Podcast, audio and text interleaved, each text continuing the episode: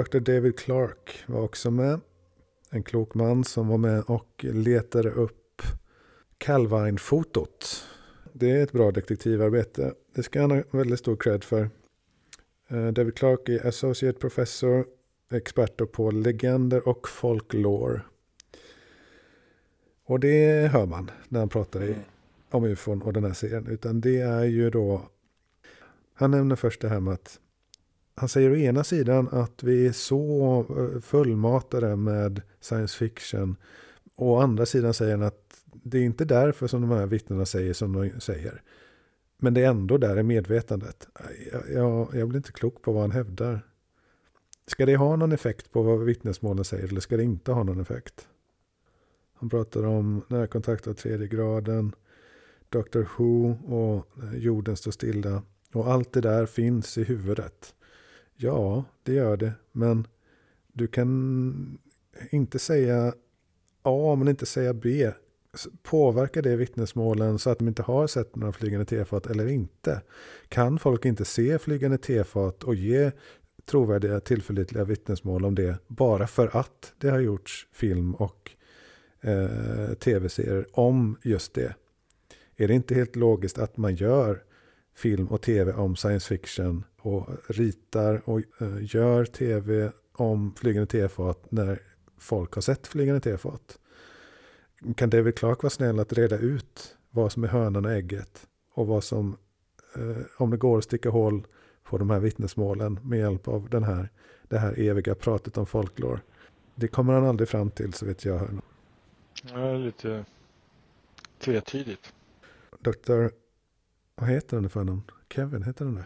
Kevin Knut. Ja, Kevin Knut ja. Dr. Kevin Knut, fysiker. Ja, han är dansk, eller hur?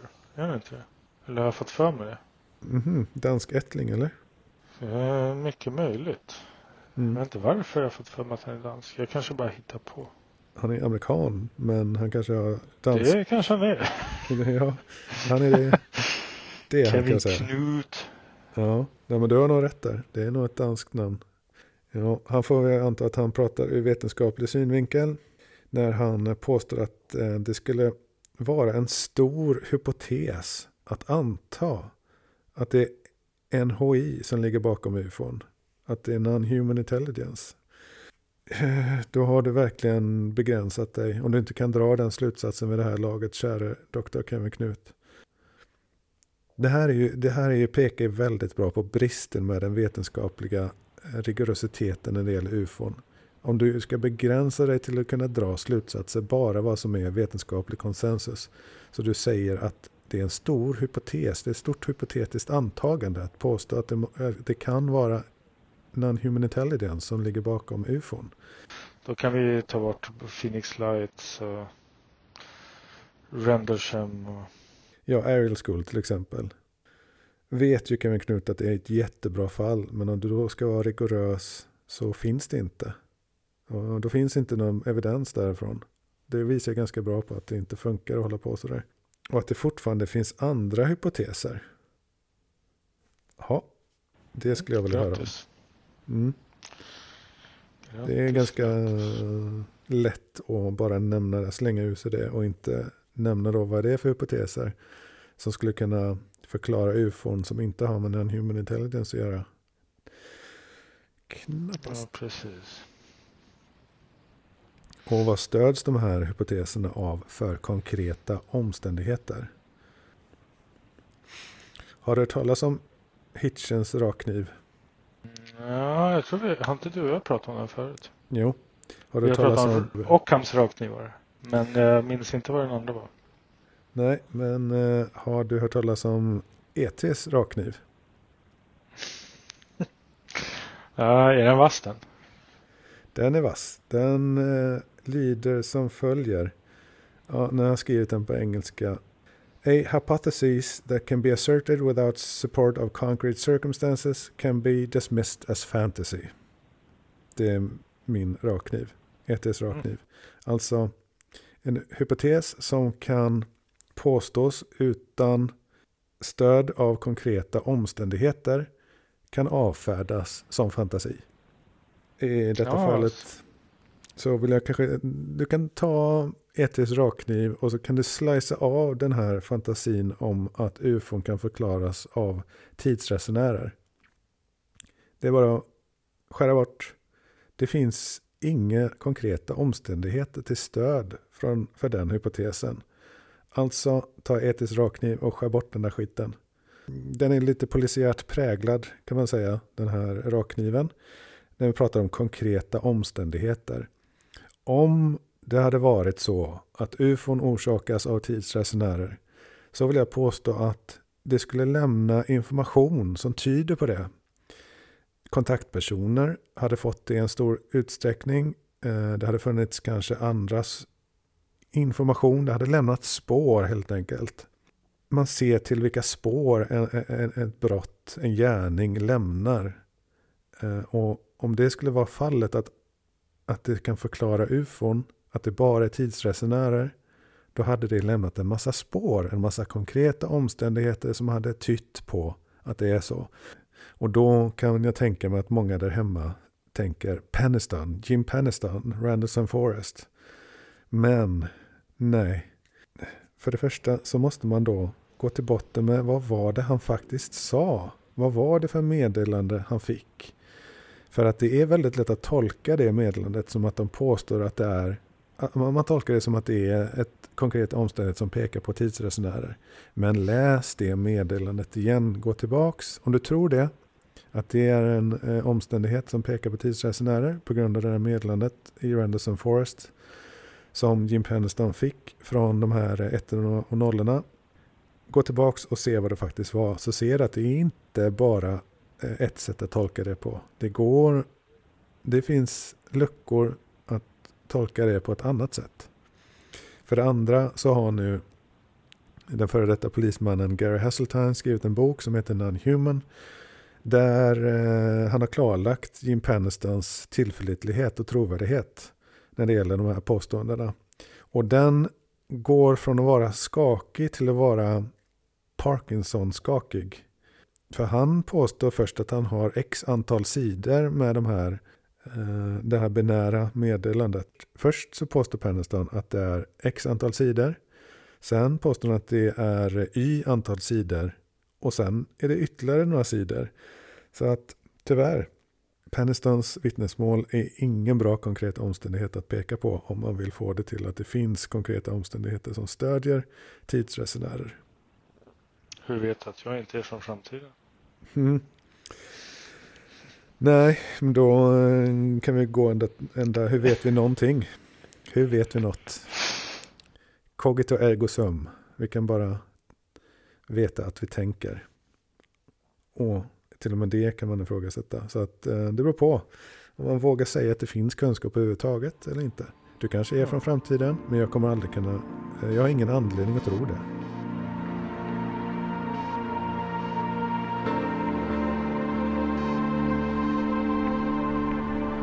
En annan stor snackis just nu är den här eh, artikeln från Michael Schellenberger i The Public. Där han berättar om eh, 30-50 vittnen som har eh, minst tio av dem har eh, direkt information av de här programmen som Grush berättar om. Alltså personer som har varit i programmen med crash retrievals. Alltså har haft eh, hands-on craft de har varit i programmen där de har kraschade ufon och, och, och, och döda kroppar och så vidare. De har anmält sig till dels eh, Inspector General av DOD och Inspector General av IC och kongressen. Alltså på svenska eh, tillsynsämbetet för försvarsdepartementet och tillsynsämbetet för underrättelsetjänsten och till kongressen. Så, och det har vi pratat om massor av gånger, att det finns de här vittnena. Så att det här med att, eh, att påstå att, eh, som NASA-administratören och andra, att eh, Grush uppgifter bara är andra hand och han har hört från en vän. Och, eh, hela ufologins historia, har ni inte läst den så är den full med stöd för Grush påståenden. Och det finns dessutom ingen anledning att tro att det inte skulle vara sant. Kan någon, ingen kan peka på en konkret anledning till att Grush vittnesmål inte är sanna. Nej, det finns väl ingenting som har kommit fram. Nej. Faktiskt. Ja, men nu, jag skulle vilja se den här nya från dokumentären från Yes Theory. Mm. Där de hänger med han en vecka. Mm, den har jag sett. Jag, du har sett den? Mm. Jag gillar Yes Theory. Jag har följt dem i många år. Mm. Det är en svensk med där också. Uh, Staffan. Mm. Yep. Jag tyckte jag såg det någonstans men jag minns inte vart såklart. Skitbra video. Den, uh, ja, jag vet inte om vi behövde mer stöd för David Grush trovärdighet. Men det fick vi i alla fall. Nu är uh, hans trovärdighet ännu bättre. Det var inga fel på den innan men nu är den ännu bättre. Det kommer nog kanske gå till historien om, vi, om korten faller rätt. Vidare The Public-artikeln, Michael Schellenbergers. De har även eh, framgångsrikt kartlagt hur den här eh, en icke-mänsklig triangelfarkost fungerar. Och den okonventionella framdrivningen av den. Det ska de ha kartlagt. Då är det många som tänker TR3B. Men eh, det är inte så säkert att, att det är just den som är den faktiska farkosten. Och enligt uppgift så är det ingen som har lyckats då skapa en så kallad ARV, Alien Reproduction Vehicle. Man kan, man kan vara agnostisk till sådana uppgifter så länge tycker jag. Det är i alla fall jag. Ja, och så står det också om uppgifter som stödjer det som Grush säger om kontakter och samarbete med non-humans. Och David Grush sa att det fanns överenskommelser också. Så då pratar vi alltså om mm, mm. Kon kontakter, samarbete och överenskommelser med icke-mänskliga varelser. Mycket som pekar på det nu. Och det är, finns ingen mm. anledning att tro att det inte är sant. Det är bara svårt kanske att eh, ta in att det är möjligt ens. Men då får man försöka. För om man inte är beredd på att det är sant. Så har man gjort sig själv en otjänst. Ja, verkligen. Även påståenden från de här vittnena då om aktiva pågående desinformationsoperationer. Det har vi nämnt några gånger. Det är en mycket, mm, mm. mycket viktig del för att förstå vad som pågår och varför saker är som de är. Test av material från UAP. Ja, det är, det fler än Grush som påstår. Även de med direkt förstahandsinformation säger detta. Hör och häpna. Och den här förbenade eh, Mike Turner som du pratade om för något avsnitt sedan. Mm. Eh, han, eh, det har du redan pratat om, att det är han som leder den här motståndet. Och han eh, är ju i fickorna på Lockheed Martin och de här bolagen. Precis. Och det är väl krig nu i kongressen som jag förstår att Matt Getz vill ha bort honom. En tanke som slog mig, som jag tror har ganska bra bäring, i alla fall i sig, det är att om jag vore den här UFO-kontrollgruppen som den kallas. Från början kanske den hette Majestic 12 eller liknande. Vem vet, det spelar ingen roll. Det finns ju garanterat en grupp som har styrt det här ämnet. Det är väl alla intresserade överens om att sedan Roswell så finns det en eh, grupp med stort inflytande som har hemlighållit detta och säkert gynnats av det. Om jag vore dem då skulle jag sprida ett rykte och information om... Jag skulle tänka till, mm, hitta på något jävligt smart om varför det är hotande och, och att det är negativt. Att att disclosure kan leda till någonting stort och negativt och hemskt. Jag skulle hitta på en väldigt stringent eh, historia om, som låter trovärdig och som stöds av vissa fakta om varför disclosure är en dålig idé. Och så skulle jag dela ut den till olika kanaler. Eh, och då kan man tänka sig att vad kunde den pysa ut någonstans då? Ja, Tom DeLong tänker jag.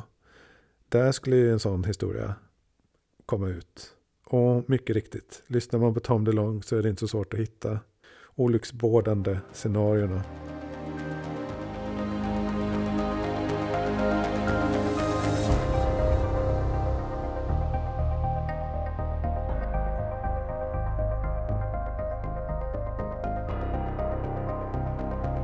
Visar sig att det finns en tysk ufo-expert som debankar Grush och säger att Grush sprider lögner. Han är då intervjuad av ett par tyska stora tidningar. Hans-Jürgen Köhler. Han påstår då att Grush har inga bevis för vad han säger och att han sprider falsk information för att göra reklam för sin konspirationsteori. Och han säger även att uh, ufon har ingenting med aliens att göra. Utan ufo är bara någonting oidentifierat. Alltså. Uh, spännande. Bara oidentifierat. Mm. Har du hört det förut? Menar Det är ett identifierat oidentifierat föremål. Det, det blir svårt när man ljuger. Ja, hörni. Tack för den här gången och på återhörande. Jajamän, ha det så bra så hörs vi. När det gäller den mexikanska kongressen och det som påstods där så var det så att Jamie Musan rullade ut några påstådda utomjordiska kroppar. Och det är too good to be true tänker jag spontant och den det har inte visats någonting som har fått mig att ändra uppfattning än så länge. Jag har sett slutsatser åt båda hållet. Både att det man har kommit fram till att det inte är mänskligt DNA och så vidare. Och jag har sett slutsatser åt andra hållet. Så det är fortfarande väldigt oklart. Jamie Musan har ingen trovärdighet eller tillförlitlighet.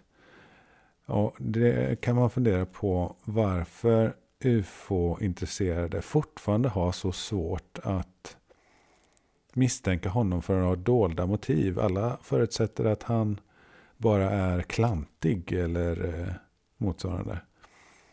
I ufo-branschen så är det så att det finns massor av infiltration.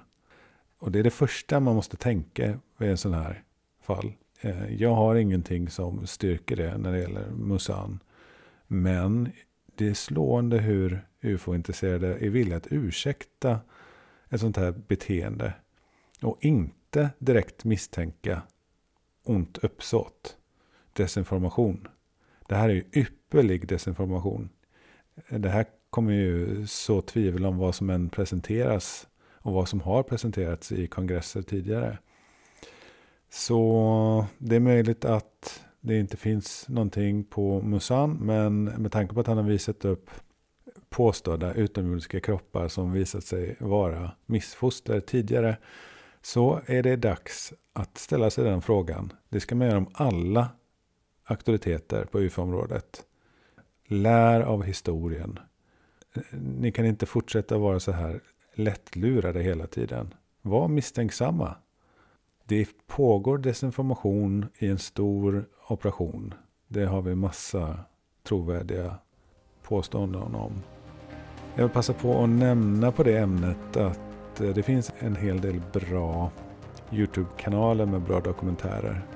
Videor är ypperligt i bevishänseende för att bedöma trovärdighet och även tillförlitlighet.